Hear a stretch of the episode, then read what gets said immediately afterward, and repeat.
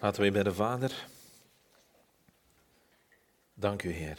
Dank u dat wij kinderen van u mogen zijn, Heer. Dat wij mogen samenkomen, Heer, in de naam van uw Zoon Jezus Christus. Dank u, Heer, dat u van ons houdt. Dat u ons lief hebt, Heer, dat u dat getoond heeft in het offer van uw Zoon. Ik wil bidden, Heer, dat u ons hart mag openen, Heer. Dat wij hart mogen hebben dat verlangt, Heer, naar u, naar uw woord. Een hart dat verlangt en, en dat wil uit liefde voor u, Heer, horen wat u te zeggen hebt. Opdat wij meer en meer op Jezus mogen lijken en meer en meer naar u mogen toegroeien. Ook al zijn wij in deze wereld, ook al wandelen wij in het vlees, maar niet naar het vlees, dat wij steeds, Heer, voor ogen mogen hebben wat Jezus voor ons gedaan heeft. Dat Hij Heer is, dat Hij aan uw rechterhand zit, dat Hij de Alpha en Omega is. En als wij volharden in liefde, als wij in U verblijven en in Uw woord, dat wij tot in eeuwigheid met U zullen zijn. Vader, dank U. In Jezus' naam. Amen. Ik wil uh, vanmorgen even naar openbaringen gaan. En in openbaringen zien we de openbaring van Jezus Christus, die God hem gegeven heeft om zijn dienstknechten te laten zien wat spoedig moet geschieden, en die hij door zijn engelen gezonden en aan zijn dienstknecht Johannes te kennen heeft gegeven. Ja, wat zien we in openbaring? We zien in openbaring de openbaring die Jezus Christus gekregen heeft van God, om aan zijn dienstknechten te laten zien. En die openbaring werd aan Johannes gegeven door een engel, ja, een boodschapper. En Johannes kreeg de opdracht om dat neer te schrijven, om dat te vertellen aan de gemeenten in Azië. Ja, heel specifiek. Aan de zeven gemeenten in Azië moest hij die boodschap vertellen. Ja, dus dat is al een heel belangrijke nuance dat je moet beseffen als je openbaring leest, dan is dat de openbaring van Jezus Christus, die Jezus Christus ontvangen heeft van de Vader en die hij heeft aan zijn dienstknechten en waarvan Johannes de opdracht krijgt om die te vertellen aan de zeven gemeenten in Azië. Ja, dus het is niet de gemeente in Rome of wat dan ook, dit is specifiek voor de zeven gemeenten in Azië. En wat zegt Johannes aan de zeven gemeenten die in Azië zijn? Genade zij u en vrede van hem, dat is vers 4. Die is en die was en die komt, en van de zeven geesten die voor zijn troon zijn, en van Jezus Christus die de getrouwe getuige is, de eerstgeborene uit de doden en de vorst van de koningen der aarde, hem die ons heeft liefgehad en ons van onze zonde gewassen heeft in zijn bloed, en die ons gemaakt heeft tot koningen en priesters voor God en zijn Vader. Hem zij de heerlijkheid en de kracht in alle eeuwigheid. Amen. Zie, hij komt met de wolken en elk oog zal hem zien, ook zij die hem doorstoken hebben. En alle stammen van de aarde zullen rouw over hem bedrijven. Ja, amen. Ik ben de Alpha en de Omega, het begin en het einde, zegt de Heer, die is en die was en die komt, de Almachtige.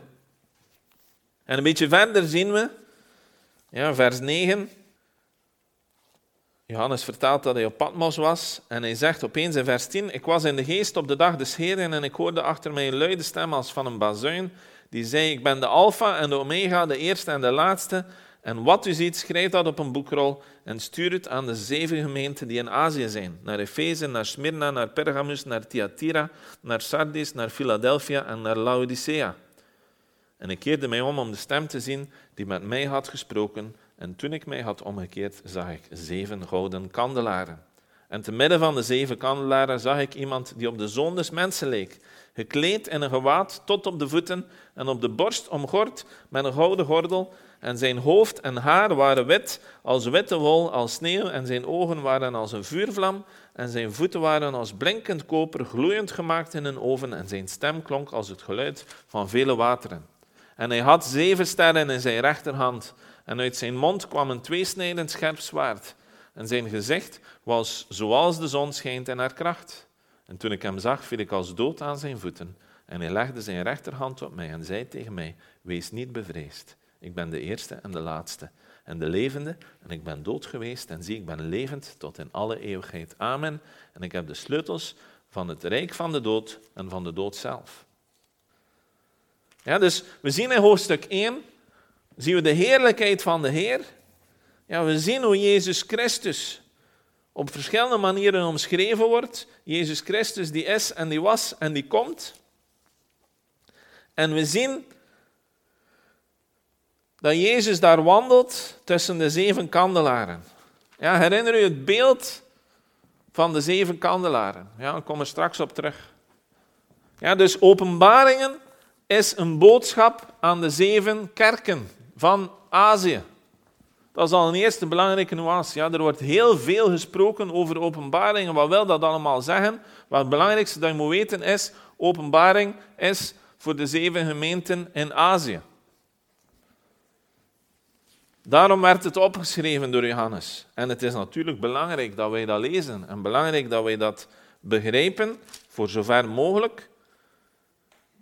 Maar wij hoeven niet te speculeren. Ja, wij hoeven dat gewoon te lezen en te kijken wat zegt de Heer. En kijken hoe kunnen wij bepaalde van die zaken toepassen op onszelf. En dan zien we vers 19, schrijf nu op wat u hebt gezien en wat is en wat hierna zal geschieden, het geheimenis van de zeven sterren die u in mijn rechterhand hebt gezien en van de zeven houten kandelaren is. De zeven sterren zijn de engelen van de zeven gemeenten en de zeven kandelaren die u hebt gezien zijn de zeven gemeenten. Ja, dus we zien hoe Jezus zeven sterren in zijn rechterhand had en we zien hoe hij wandelde tussen de zeven kandelaren. Ja, daar zit heel veel betekenis achter. Enerzijds, de zeven sterren zijn de zeven engelen. Ja, er wordt in theologie dan gediscuteerd, zijn dit engelen, echte engelen, of zijn dat uh, de boodschappers, die, uh, de opzieners van de kerken? Uiteindelijk, het doet er niet toe.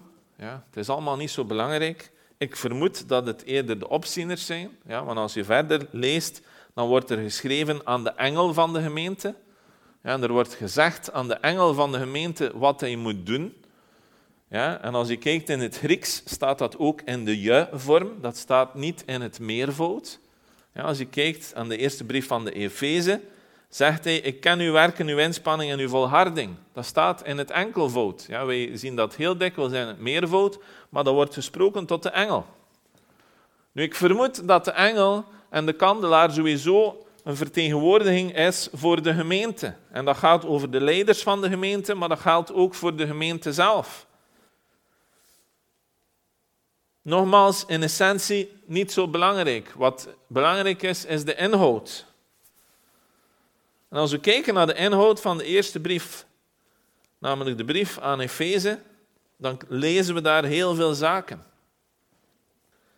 En waar ik het vandaag wil over hebben, is iets dat mij deze week enorm opviel in deze brief.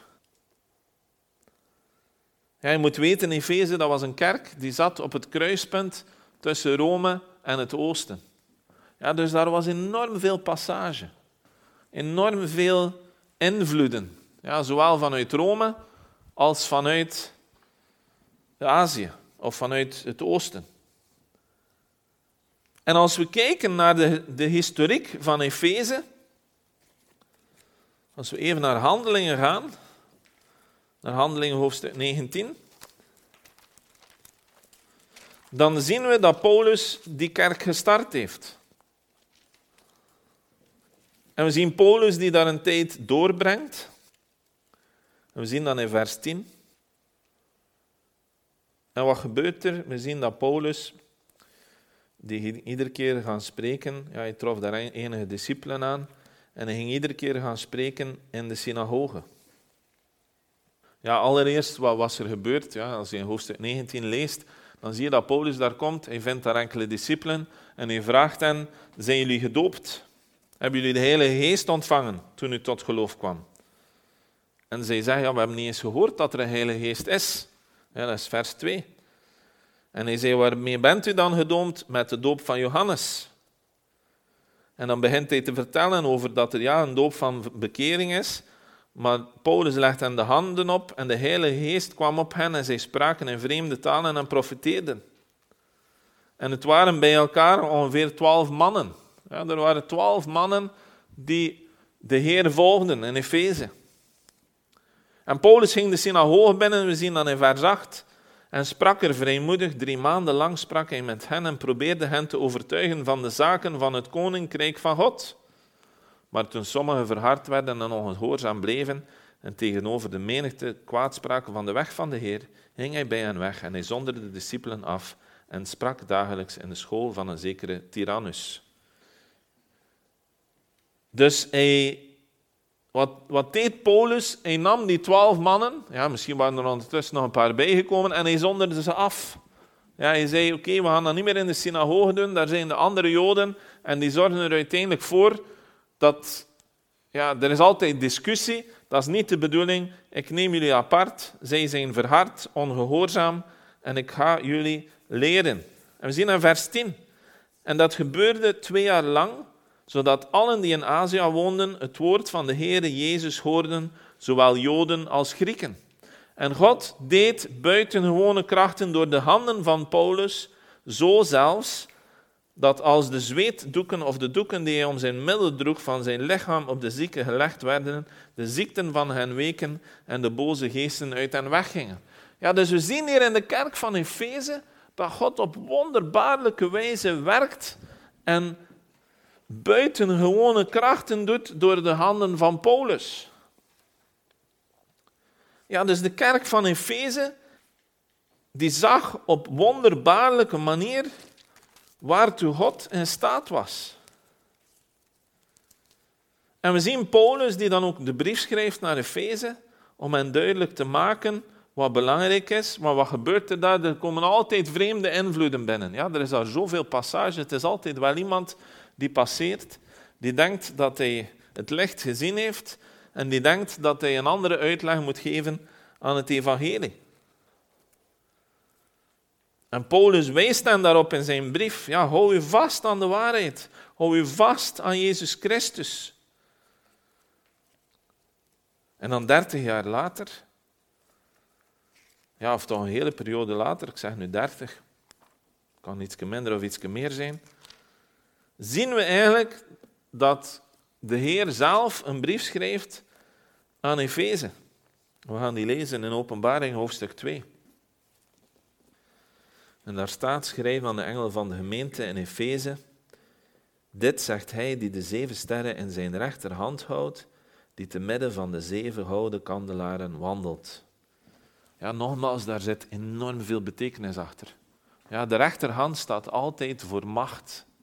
Ja, dus Jezus houdt de zeven sterren in zijn rechterhand. Ja, dat wil zeggen dat hij hen ondersteunt, dat hij hen macht heeft, dat hij hen kracht heeft. En tegelijkertijd zien we hem wandelen te midden van de houden kandelaren. Ja, we zien Jezus die aanwezig is in de kerk. En wat zegt Jezus in vers 2? Ik ken uw werken, uw inspanning en uw volharding en weet dat u slechte mensen niet kunt verdragen en dat u hen op de proef hebt gesteld die van zichzelf zeggen dat zij apostelen zijn, maar het niet zijn. En dat u hebt ontdekt dat zij leugenaars zijn. En u hebt moeilijkheden verdragen en volharding getoond. Om mijn naam hebt u zich ingespannen en u bent niet moe geworden. Maar ik heb tegen u dat u uw eerste liefde hebt verlaten. Bedenk dan van welke hoogte u bent gevallen en bekeer u en doe de eerste werken. Maar zo niet, dan kom ik spoedig bij u en zal uw kandelaar van zijn plaats wegnemen, als u zich niet bekeert. Maar dit hebt u voor, dat u de werken van de Nicolaïten haat, die ook ik haat. Wie oren heeft, laat hij horen wat de geest tegen de gemeenten zegt. Wie overwint, hem zal ik te eten geven van de boom des levens, die midden in het paradijs van God staat. Ja, we zien hier in deze passage dat de kerk in Efeze een boodschap krijgt van de Heer. Ja, dat is niet de boodschap die de Heer nu rechtstreeks aan ons geeft, maar dat is wel een boodschap die wij ook kunnen toepassen in ons leven. En wat zien we in het eerste deel van de brief?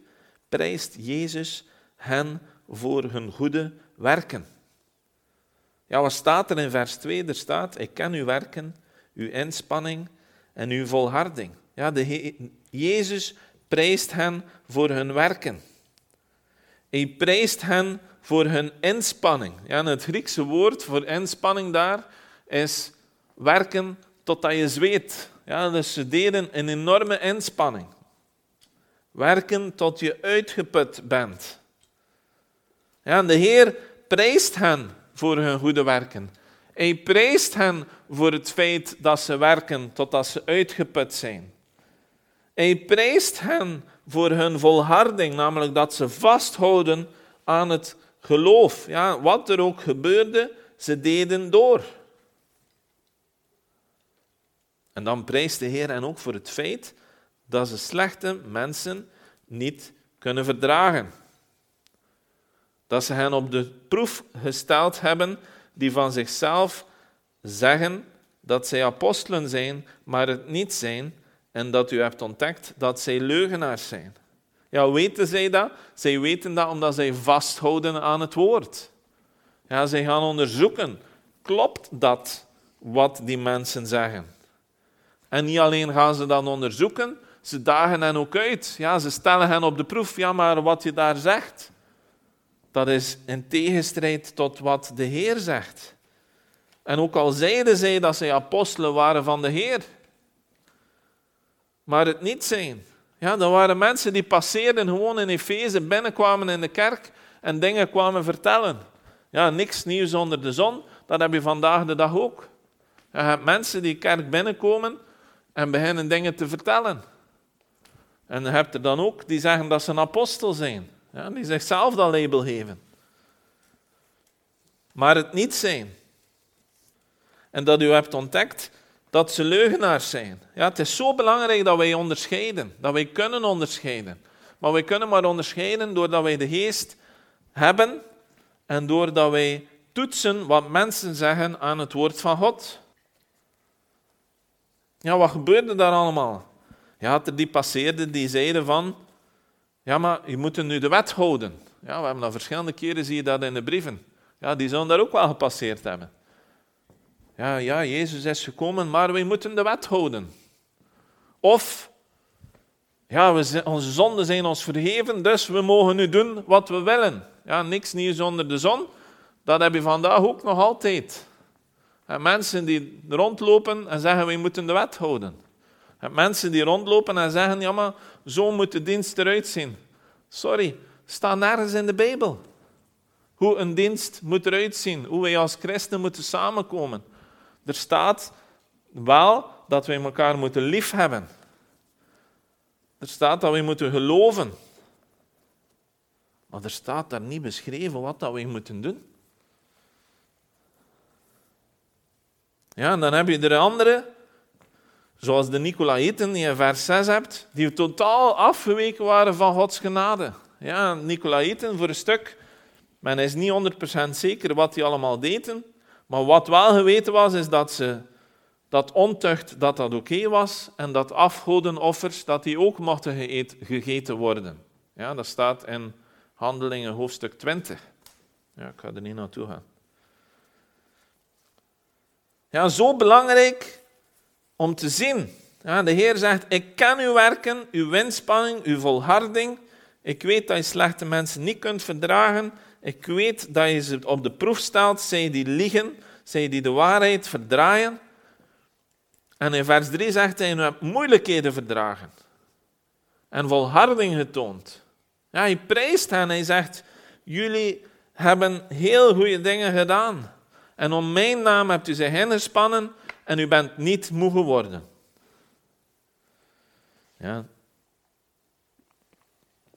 Je zou denken, ja, de Heer zal zeggen, goed bezig. Ja, doe zo voort. Maar wat zegt de Heer? Dat staat er niet in, goed bezig, doe zo voort. De Heer zegt, maar ik heb tegen u dat u uw eerste liefde hebt verlaten. Ja, Jezus had het op veel manieren kunnen zeggen. Hij had kunnen zeggen, ja, je doet goed, maar hier en daar zou het toch een klein beetje beter kunnen. Misschien moet je ja, teruggaan naar je eerste liefde. Wat zegt Jezus? Ik heb tegen u. En Jezus zegt, goed bezig, maar ik heb tegen u. En wat zegt hij? Ik heb tegen u, en als je het niet verandert, dan ga ik de kandelaar wegnemen. Ja, de Heer is heel, heel strikt, heel, heel duidelijk. Als je op die manier praat, dan denk ik, als iemand zo tegen ons spreekt, dat we zijn aandacht hebben. En ik hoop voor de kerk van Efeze, ja, ik was er zelf niet bij, ik weet ook niet hoe dat afgelopen is, maar ik hoop voor hen dat ze het begrepen hebben. Jezus zegt, ik heb tegen u dat u uw eerste liefde hebt verlaten. Nu, er zijn twee manieren waarop dat je eerste liefde kunt verlaten. Je kunt dat bewust doen, of je kunt dat onbewust doen. Ik ga ervan uit dat het niet bewust was. Maar ze waren nog altijd de Heer aan het dienen. Ja, ze deden het extreme voor de Heer. Ze volharden. Ze spannen zich in totdat ze uitgeput waren. Ja, dus het ging niet af van hun dienst ja, die zij aan de Heer gaven. Het ging daar niet vanaf. Maar de Heer zegt, ik heb tegen u dat u eerste liefde hebt verlaten. Ja, dertig jaar nadat Paulus daar geweest is en dat ze die buitengewone krachten hebben gezien, zijn ze op een punt gekomen dat ze hun eerste liefde hebben verlaten en de Heer zegt, pas op. Uitroepteken, waarschuwingsbord, wat dat je ook wel. Ja, wat was er gebeurd? Ze hadden hun eerste liefde verlaten. Ze begonnen af te koelen. Hun hart begon af te koelen. Jezus veroordeelt dat hun relatie met Hem afkoelt. Wat zien we? Vers 2 en 3. Werk, werk, werk, dienen, dienen, dienen. En de Heer zegt, vergeet de liefde niet. Ja, daar kunnen we zoveel van leren. Ja, we moeten geloven. En geloof zonder werken is dood. Ja, laat dat duidelijk zijn. Maar die werken moeten starten vanuit liefde. Maar ik heb tegen u dat u eerste liefde hebt verlaten.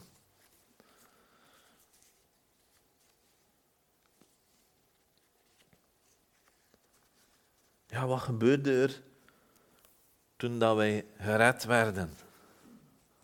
Ja, ga even terug naar dat moment waarop dat Jezus leerde kennen.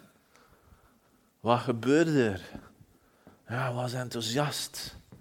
Hij dacht, oh man, ik zou het kunnen uitroepen. Ja? De vreugde van de Heer die je vervult. En wat zegt de Heer? De Heer zegt, Bedenk dan van welke hoogte u bent gevallen en bekeer u en doe de eerste werken. Ja, de Heer zegt, goed bezig, maar zij vergeten waarom dat je het doet. Je zijt vergeten waar dat begonnen is, namelijk in de liefde.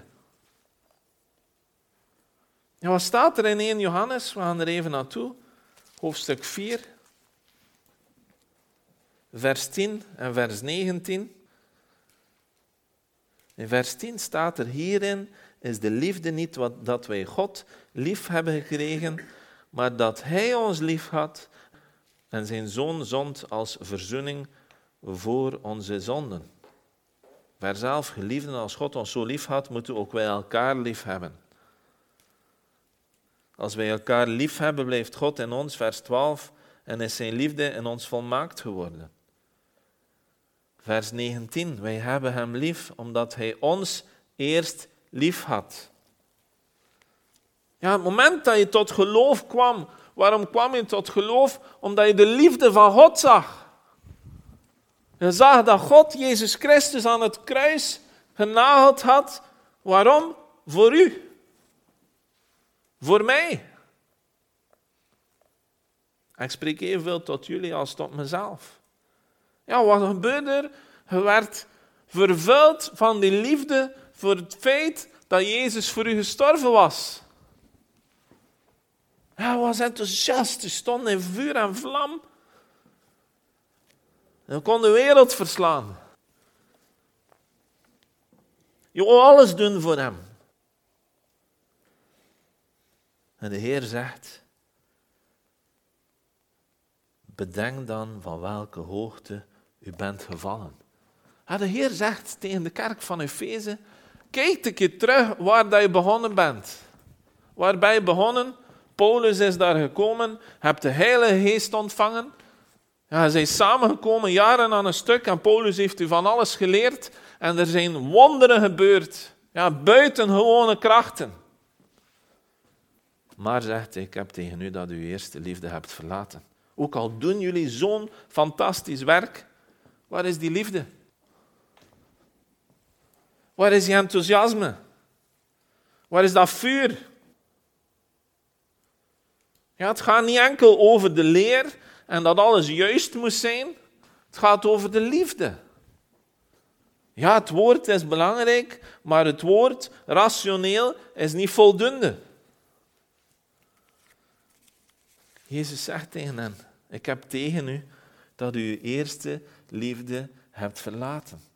Ja, dat toont ons, ja, wat kunnen wij daaruit leren? Dat de relatie met Jezus Christus belangrijk is. Het gaat niet enkel en alleen over het horen, het gaat niet enkel en alleen over het doen, maar het gaat over het feit dat wij een liefdesrelatie moeten hebben met de Heer.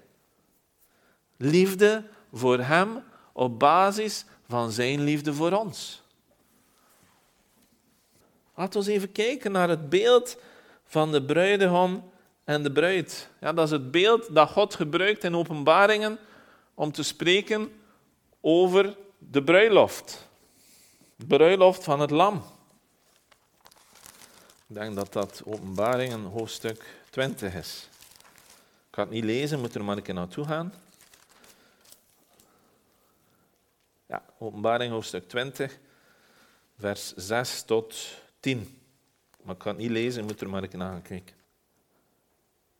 Ja, God gebruikt het beeld van de bruidegom en de bruid. Ja, en dat is niet alleen in openbaringen, er zijn nog enkele andere plaatsen in de Bijbel dat dat beeld gebruikt wordt. Ja, de bruidegom is Jezus, de bruid is de kerk. Ik ga ervan uit, als een bruidegom en een bruid samenkomen, dat dat is uit liefde. Het doel is liefde. De bruidegom en de bruid. Ja? Herinner u, voor die die getrouwd zijn, ja, op het moment dat je elkaar leert kennen, ja, je staat in vuur en vlam. Hè? Goh. Je ziet alleen elkaar. Hè? En het is allemaal la vie en rose. Ja. Goh. Je ziet niks anders meer. Je wilt heel de tijd tijd met elkaar doorbrengen. Je wilt alles samen doen. Je babbelt en je babbelt heel de tijd. Waarover? Vraag het mij niet, ik weet het niet meer. Het is te lang geleden. En uiteindelijk, ja, uit liefde zeg je van oké, we gaan trouwen. Ja, we gaan samen, willen samen verder gaan. Maar het is zo belangrijk in een huwelijk dat je van elkaar blijft houden. Ja, en die liefde verandert. Ja, het is niet meer die, ja, die vlinders in je buik, ja, waar je niet weet wat er aan het gebeuren is. Maar die liefde moet blijven.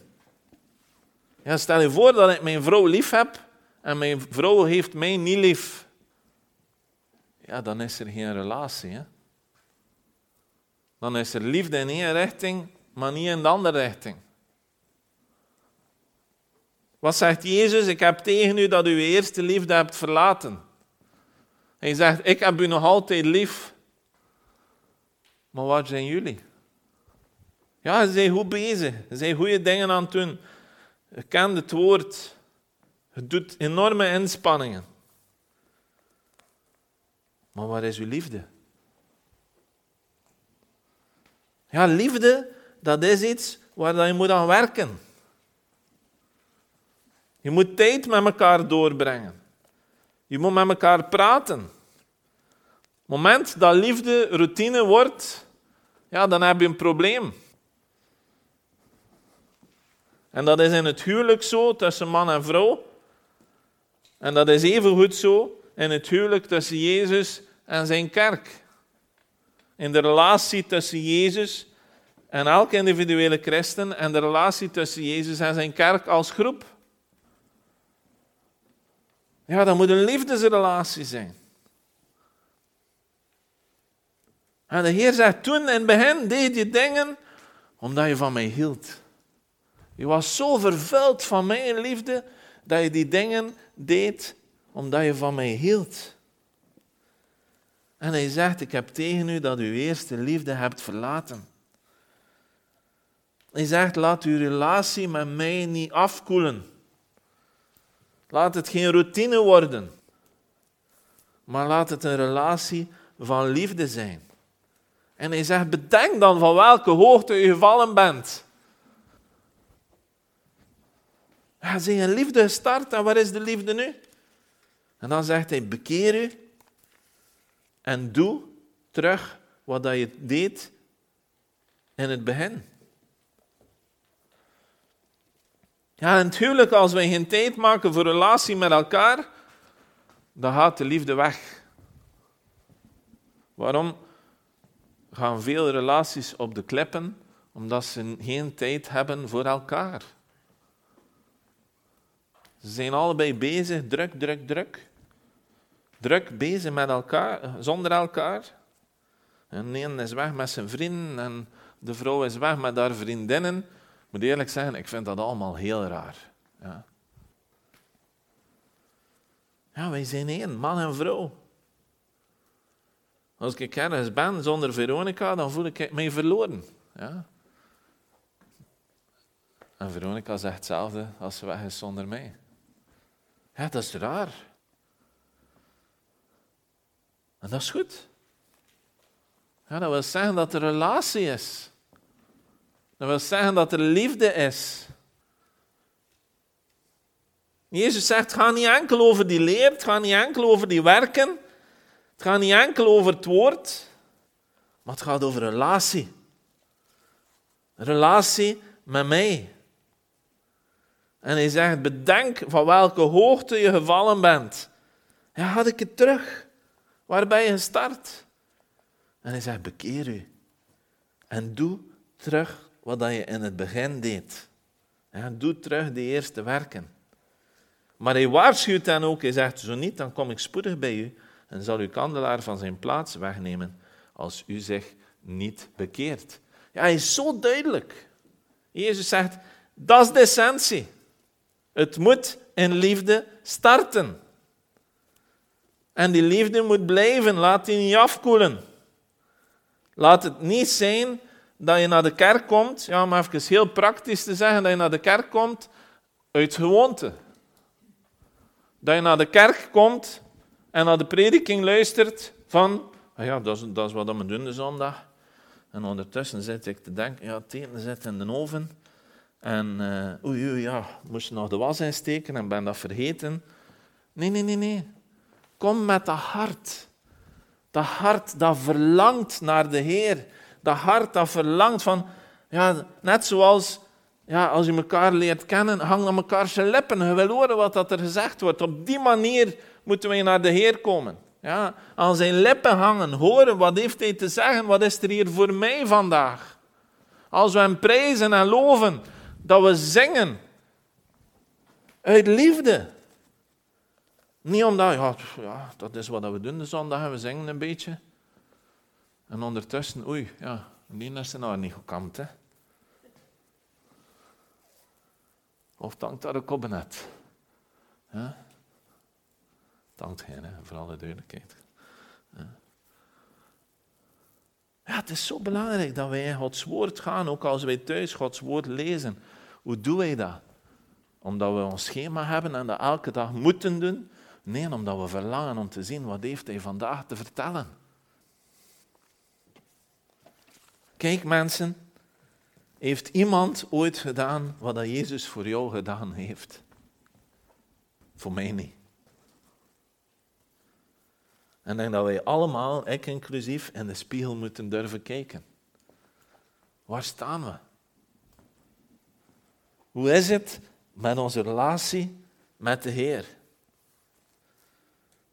Doen wij wat wij doen omdat het gewoonte geworden is, routine? Of doen we het vanuit liefde voor Hem? Hij zegt, ga terug.